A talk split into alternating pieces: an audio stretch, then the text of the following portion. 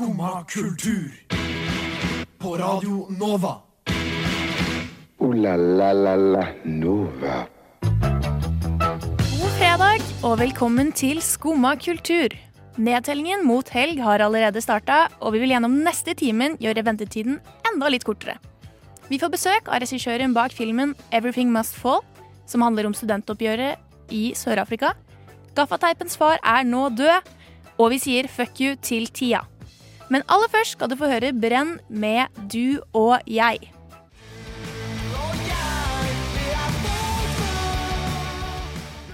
Det var Brenn, du og jeg, som for øvrig også kan oppleves på Blå halv elleve på lørdag. Mitt navn er Maria, og med meg i studio har jeg Marius og tekniker Annika. Hei sann.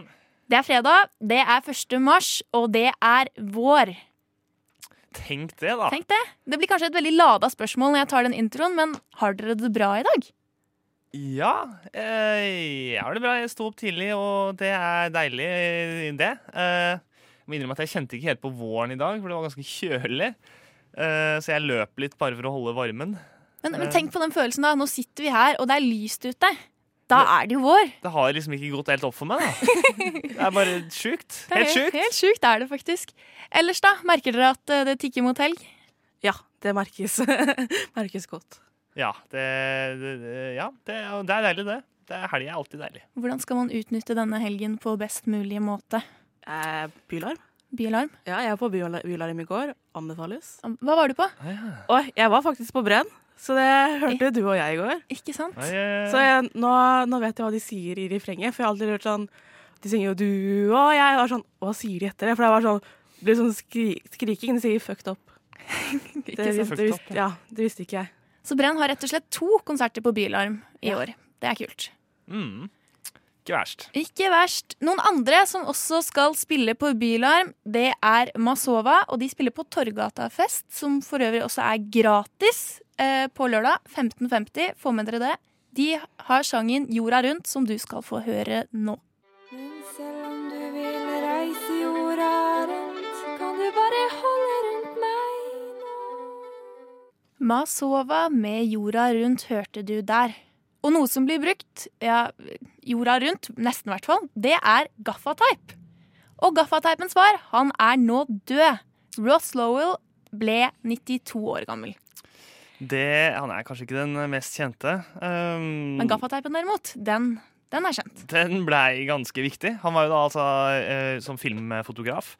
Til og med Oscar-vinner, det du verden. Og uh, han fant det ut da liksom han, mens han dreiv og kobla kabler og, og jeg styrte med lysutstyr og alt det her. At, eh, og, og hjelpe skuespillere liksom, å finne, finne ut hvor de skulle stå og sånn. Bare sånne ting. Han trengte et eller annet. da. Så fant han opp uh, gaffateipen. Men uh, noe annet som, som har gått opp for oss, da, det er jo at det er forskjell på ducktape og gaffateip. Ja, eh, det er vel eh, mulig det er litt sånn ulikt stoff om. Det er sånn to ulike produkter, da. Men gaffateip er altså det som er mest brukt som av eh, lyd- og lysfolk og sånn. Eh, som du ser eh, vikle kabler sammen og sånn, og som gjerne er svart. Mm. Mens eh, ducktape er det mye sterkere lim på. Men folk blander jo dette, disse om hverandre, så det er, det er liksom Det går litt i ett, men konseptet er jo det samme, da. Konseptet er det samme. Det blir ikke slik at Ross Lowell snur seg i graven når han hører at vi bruker ducktape om gaffateip. Jeg håper ikke det. Håper ikke det. Jeg tror det var ei dame som fant opp uh, ducktapen før han. ikke sant? Så, mm, Men ok. hun er vel allerede død. Hun er allerede død. Tror jeg. Men det sies jo at gaffateip kan fikse alt. Er, er det tilfellet, tror du? Det, jeg liker jo å tro det. Uh, altså, det, er jo, det er jo vidundermiddel for alle som ikke er praktisk anlagt. Uh, Ikke som ikke kan drive og snekre og banke og, og fikse ting på sånn eh, ordentlig vis. Uh, hvis dusjhodet detter av, eh, så kan du jo fikse det med gaffateip. Eh, hvis du skal henge opp noe, så fikser du med gaffateip. Eh, det er kanskje ikke det peneste løsningen alltid, men det jeg, jeg, MacGyver var, eh, var flink eh, bruker av dette, og jeg stoler på han. Du stoler på han, ja. Ikke sant? Jeg så faktisk at eh, Birgit Skarstein hun vant VM-bronse i februar, og hun sa at uten gaffateip hadde hun aldri fått denne VM-bronsa. Ikke sant? Det er sjukt, da. Det er sjukt, så det, det er jo Ja, gaffateip kan brukes til Mye. Så alltid ha med deg litt gaffateip. Ja, det Så er, er du liksom sikra, fordi du kan ikke drive og ha med deg verktøykasse og planker og liksom hva, hva enn du skulle trengt ellers. da, altså Spesialutstyr. Gaffateip. uendelige bruksområder, rett og slett. Og jeg har til og med funnet sånne her, eh, bøker. Eh, eh, sånne kreative hånd, håndverksbøker. hvor folk har sånn tips til hva du kan lage av gaffateip. Da. Så du kan liksom lage lommebøker, mobilholder. Okay. Til og med så et bilde av en hengekøye som de har laga av gaffateip. Jeg, jeg tror hvis man er kreativ, altså, så er Ja. mulighetene uendelige. Blomster. Blomster, ja. Yes. Roser. Det var, liksom, det var fine også. Gaffaroser. Det, ja, ja, så har de litt ulike farger, da. For da har du jo litt mer muligheter. Ikke sant. Nei, men vet du hva, det tror jeg vi skal eh, gi som et råd, at vi må begynne å ha med oss gaffateip hvor enn vi går. Så Men kan gaffateip fikse alle problemer? Det er det store spørsmålet. Jo, men jeg tenker litt sånn Kanskje ikke alt, men mer enn ingenting. Mer enn ingenting. ja. Mer enn ingenting. Så det er litt sånn, Har du eh, egg og poteter og ost i kjøleskapet, så kan du lage mye mat. Og sånn som, Da må du ha med deg gaffateip, for da kan du fikse mye. Ikke sant? Noe Ikke sånn. sant? Ja. Så nå tror jeg at vi skal høre en låt, og det blir Samurai med Aura The Molecule.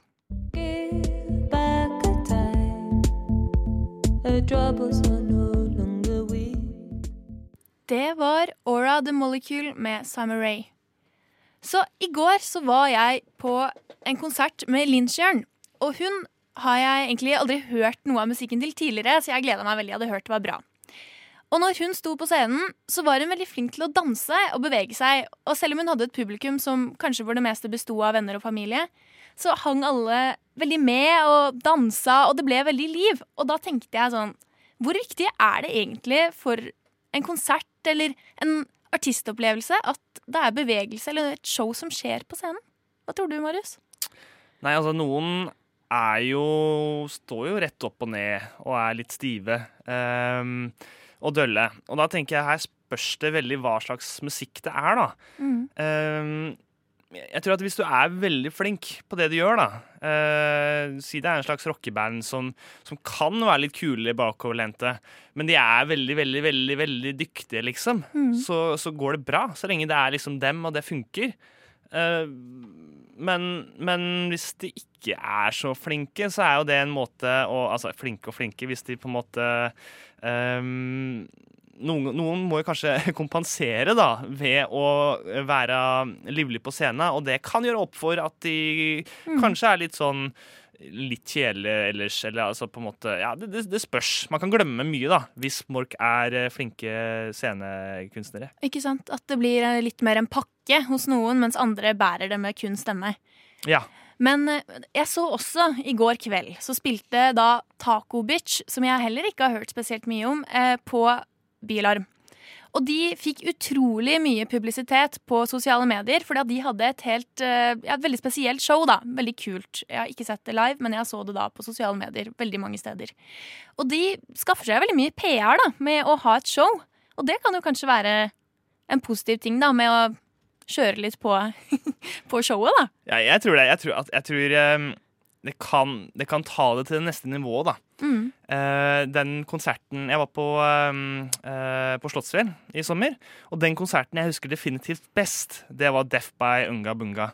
Fordi okay. de var helt uh, råe. Ikke bare har de en, en veldig, veldig fet sånn klesstil eh, hvor de bare skiller seg veldig ut. Um, de, de liksom de, de er kompromissløse og gærne. Og eh, til slutt så gikk det, var det vel eh, en av de som, som gikk opp og begynte å kline med den andre eh, på scenen. Liksom litt sånne der tøffe rockemannfolk. Og så gjorde de det, og folk var bare sånn Hva faen er det som skjer her? Eh, man blir sånn satt ut, da. Eh, men de, de Altså, de de, de, de var så morsomme, og eh, det, det får jeg ikke vekk fra netthinna. sånn. Ja, men Det hørtes kjempebra ut. Ja, ja, det kom litt til meg nå når vi satt og snakka om det, at kanskje det handler aller mest om innlevelsen. At så lenge innlevelsen er der, så gjør det kanskje ikke my så mye om du står rett opp og ned, eller om du beveger på deg. Bare, det er på en måte innlevelsen som gjør det. da. Ja, klart, altså Det skal jo være noe annet enn en, eh, hvis du bare kan sette på Spotify. Og det er akkurat det samme hvis du kommer eh, og, ser de live. Um, så er det jo Da kan det være det samme. Det skal jo helst være noe annet. Noe litt ekstra. Jeg fikk iallfall veldig lyst til å dra på Taco Bitch-konsert når jeg så det showet de hadde i går. Mm. Men eh, nå skal vi høre sangen som tydeligvis ikke er en sang. This is not a song, it's an outburst med Rodriguez. Gun sales are soaring, housewives find life boring. This is not a song, it's an outburst med Rodriguez. Og jeg hadde ikke hørt om Rodriguez tidligere, men eh, Marius, det har du. Ja, stemmer det. Eh, han eh, han er, har vært en veldig ukjent artist som ga ut eh, Som vokste opp i Detroit i USA. Som eh, ga ut eh, et par album tidlig 70-tallet som egentlig ingen kjøpte. Så da blei det til at han levde livet sitt videre uten å liksom bli noe artist, da. Og så så jeg en dokumentarfilm om han, da, i 2012, som heter 'Searching for Sugarman'. som, eh, hvor man da følger han, og så finner de ut at i Sør-Afrika, av alle steder, så hadde folk spredt eh, fått tak i den plata hans og, og spredt den og solgt den uten at han visste noen ting. Og det, han har faktisk blitt veldig svær. Gigantisk. Sånn stor, stor stjerne i Sør-Afrika. Her har han liksom gått hele livet i sitt middelklasseliv eh, som, som, som ikke vellykka um, artist. Og, så, og, så, og så dro han da på turné da, i Sør-Afrika. Fikk uh, oppleve den stjernestatusen. Han var jo nesten som Beatles kom på uh, besøk. Helt vanvittig. Og eh, ja, dette var da en kjempegod dokumentar um, som, uh, som jeg så. Uh, og grunnen til at jeg tar opp dette her, er fordi vi skal ha besøk eh, fra Sør-Afrika om uh, litt. Eh, det er nemlig Human eh, internasjonal eh, dokumentarfilmfestival eh, som pågår nå i Oslo. Eh, Du kan se det på Vega kino og Cinemateket. Og eh, da er det altså eh, han eh, Rehad Desai som har laga en eh, dokumentarfilm om eh, studentopprøret i Sør-Afrika. Hvor de da, etter apartheid ble slutt, så ble det lova gratis skole. Men det skjedde jo ikke. Nei. Og dermed så ble det større forskjeller isteden. Og det kan vi høre litt kort om her. a safe, student centered, non racial, culturally plural and sensitive, cosmopolitan academic environment. I 1994 falt apartheidregimet, som hadde prega Sør-Afrika med segregering av svarte og hvite i flere tiår. Nelson Mandela ble landets leder, og håpet for framtida, det var stort. For hvert år som har gått de siste åra, har universiteta økt skolepenga, litt etter litt.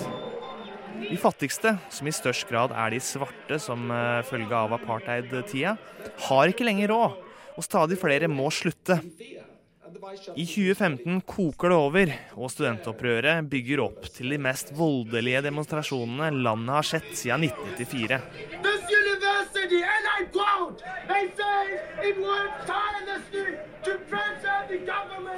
This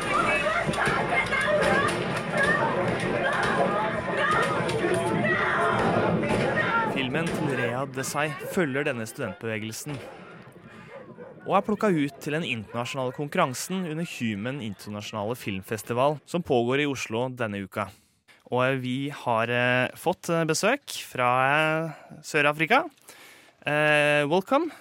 Resad eh, Desai, did I say it right? That's correct. Okay, yeah, yeah.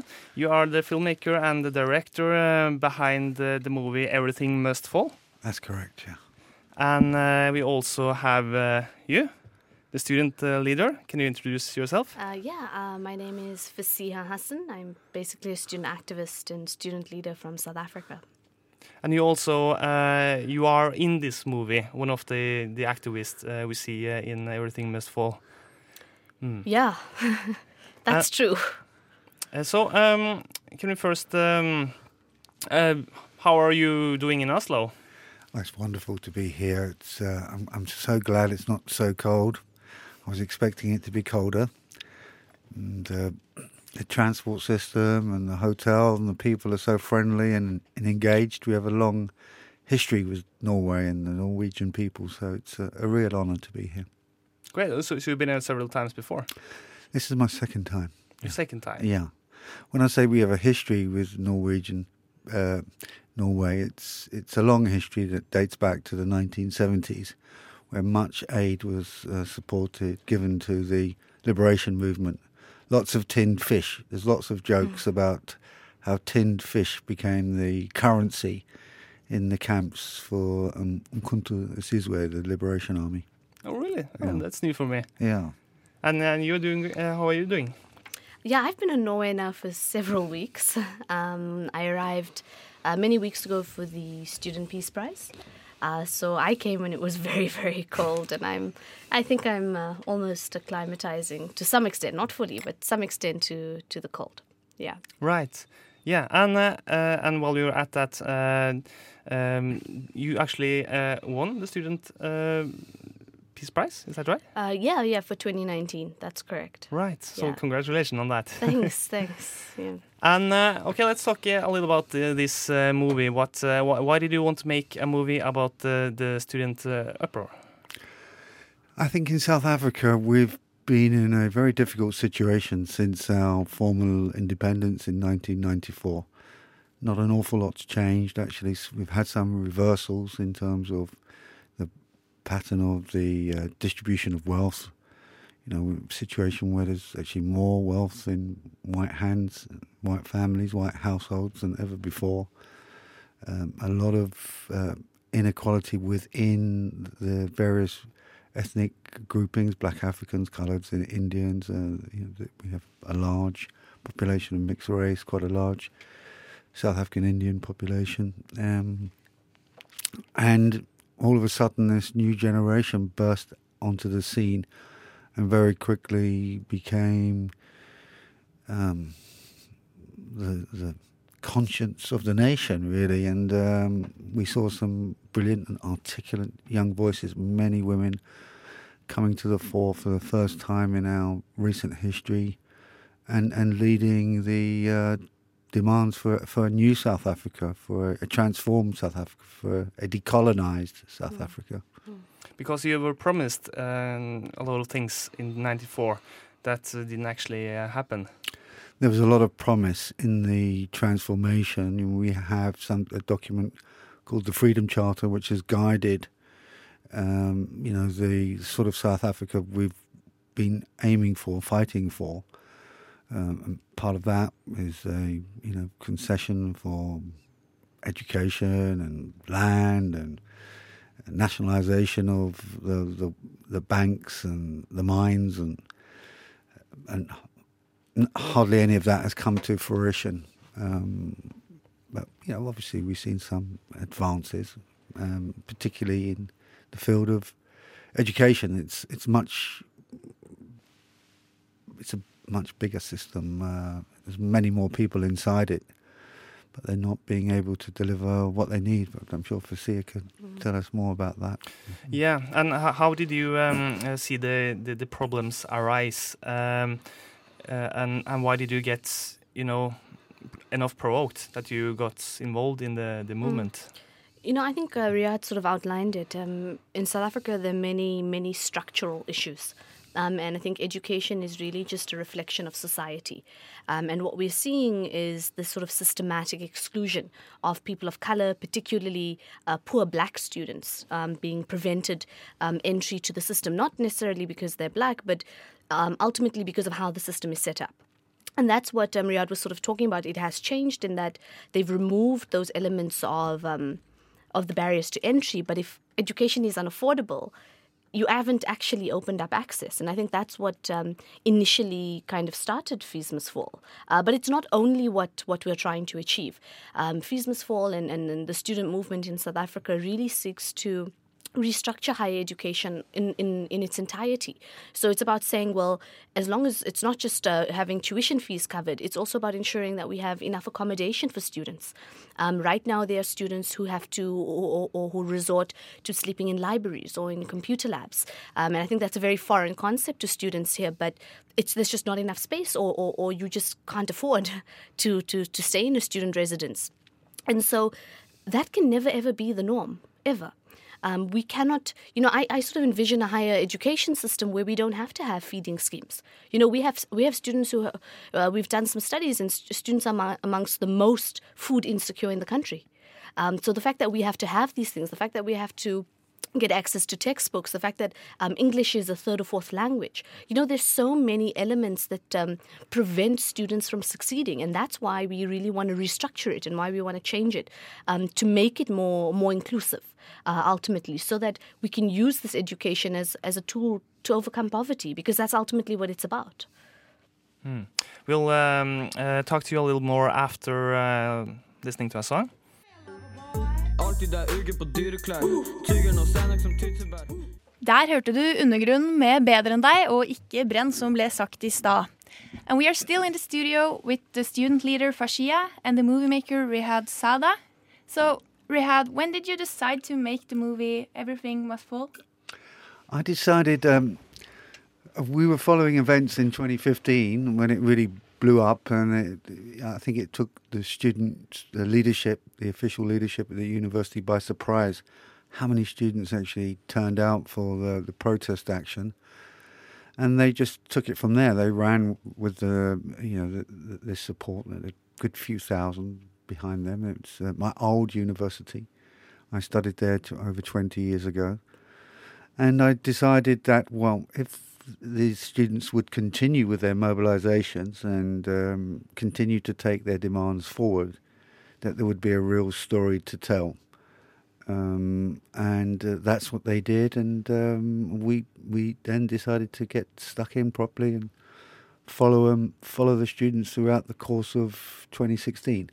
I was lucky enough that I knew the vice chancellor from decades ago, and I could see that what was happening in the uni- there was something bubbling in the university in 2015. There were lots of exclusions. There were lots of you know the level of political discourse was sufficiently well significantly higher around um, the issues of transformation and, and decolonization mainly. And so I approached the vice chancellor um, and asked him whether he would be willing for me to follow him for a couple of years to see how he would um, how he faring in ter- in terms of trying to transform the university to make it more appropriate, more of a public space. This was before everything blew up. So when, after it blew up, I then approached him and said, "Okay, are we, are we still doing this film? It's obviously changed a bit." And um, you know, lucky for us, he he agreed to stand by his word, and he gave me access to him f- throughout the course. And in many ways, I think it's one of the more interesting things about the film is how you see these former radical mm. student leaders, activists, and you know, you put them in a position of power, and how that power changes them beyond recognition. Hmm. Hmm. Well, it's the charm of uh, documentaries. You never know what's going to happen.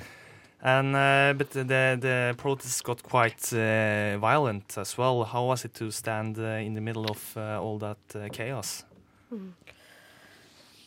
You know, I think in any social movement, particularly when you have thousands and tens of thousands of people, um, it becomes very difficult to control the actions of everybody.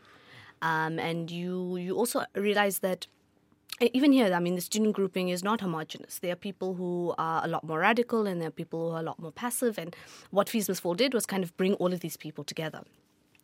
And what we saw was, uh, to a large extent, a lot of police brutality and a lot of um, provocation from the police and a lot of. Um, you know, if anyone um, listening hasn't seen the film, it would be really great tonight at six just to to watch it, but to get an idea uh, of the kind of confrontation with the police, um, and, and also to be very clear. I mean, we condemn violence, right? Uh, we we're very clear on, on on the issue of burning of buildings, on burning of libraries. We're against that completely.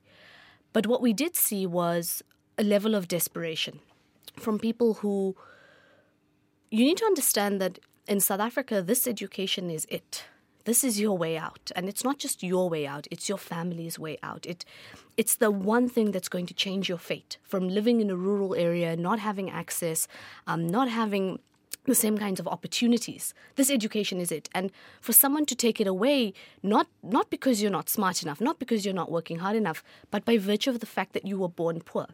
And that puts someone into a serious level of desperation because what more can you do? Right?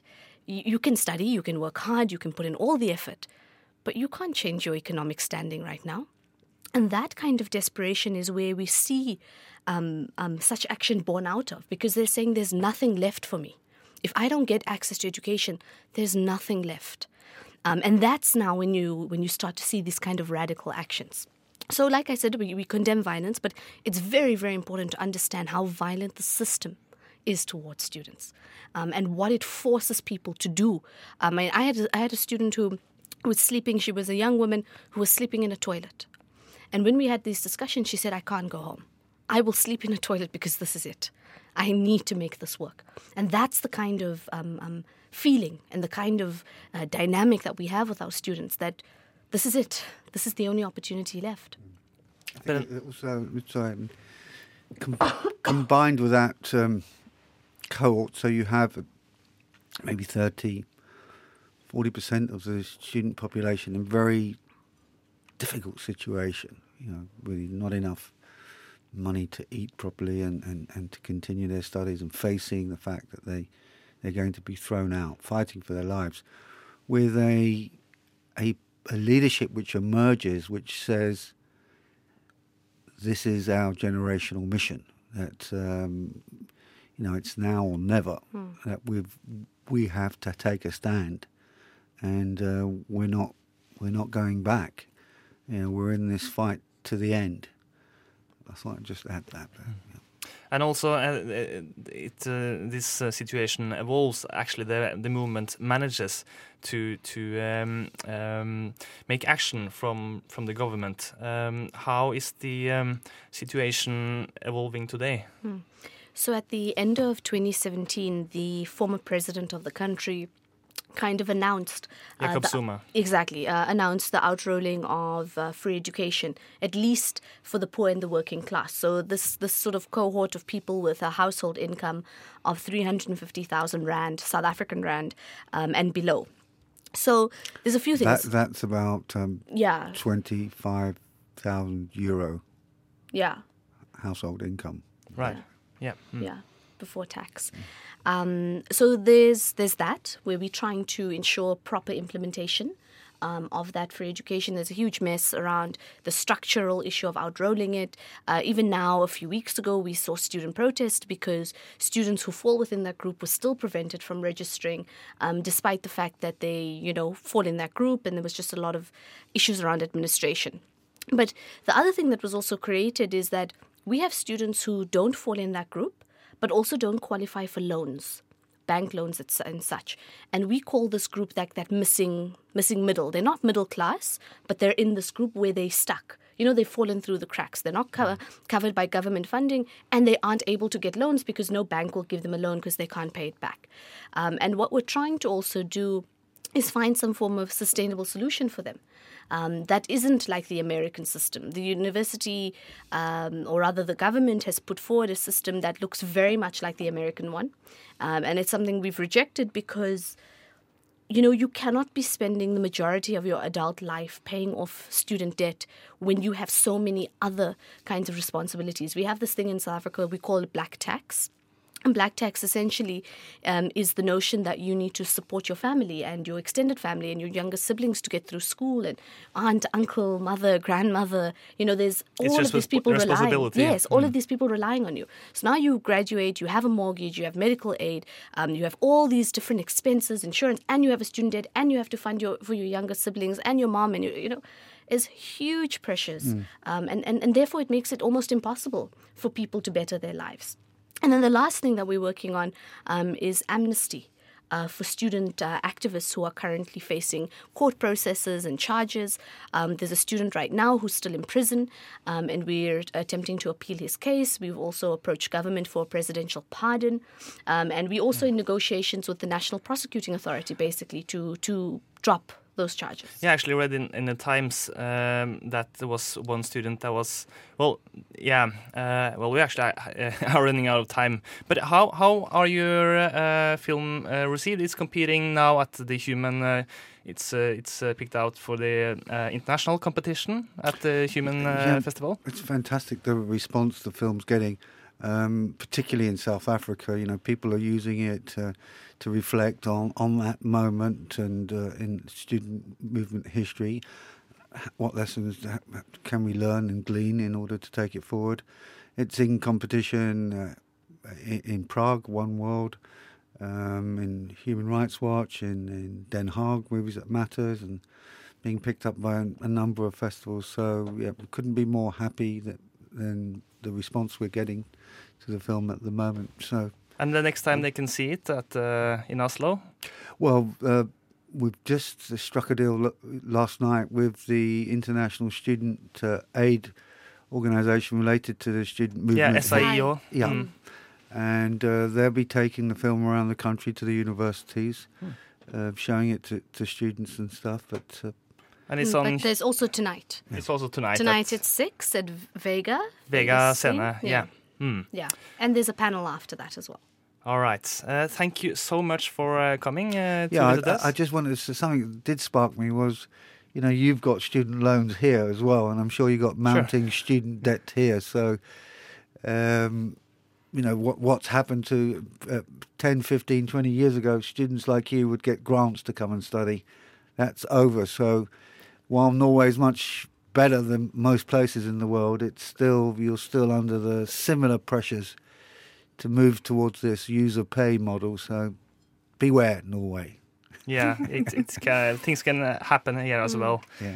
Uh, thank you so much. Uh, can you introduce your name one last time? Rehad Desai. Rehad Desai, the director of uh, Everything Must Fall and uh, student activist. Fasiha Hassan. Thank you so much. Thank you. Thank you. Thank you. Jeg vil savne dig til evig tid Ooh la la la la Nova. Denne, denne fredagen har vi hatt besøk av Rehad Salah og Fashia, som er viktige personer bak filmen Everything Must Fall. Snakket om gaffateipens far og dens bruksområder. Og hva mer har vi gjort, Marius? Uh, uh, eh, vi har hatt Ja, vi har hatt eh, gjester fra, eh, fra dokumentarfilmen Everything Must Fall. Ja. Vært innom og har hatt uh, prata om eh, situasjonen med studentopprøret i Sør-Afrika. Ikke sant? Snakket om hvor viktig det er å holde godt sceneshow på konserter. Jepp. Og eh, du eh, finner oss på Instagram og eh, Facebook Skumma kultur. Yes. Hør oss hver dag mellom ni og ti. så da får alle bare ha en god fredag videre, og så sier vi egentlig god helg. Og med det vil vi også høre Emil the Juke med Fredag. God helg! God helg! Men tusen takk for i dag, og god helg, Juri. Og så ønsker vi alle sammen deg. God helg! God helg! God helg! God helg! God helg! God helg! God helg! God helg! God helg! God helg! Så god helg, da. God helg.